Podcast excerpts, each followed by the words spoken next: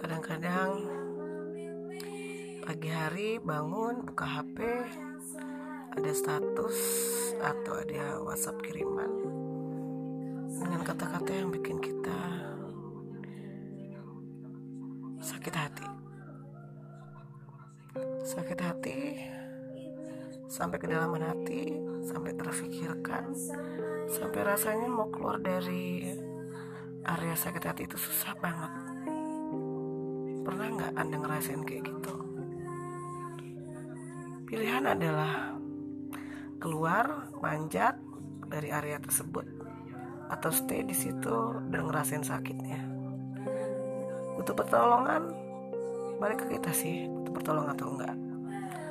Tapi yang jelas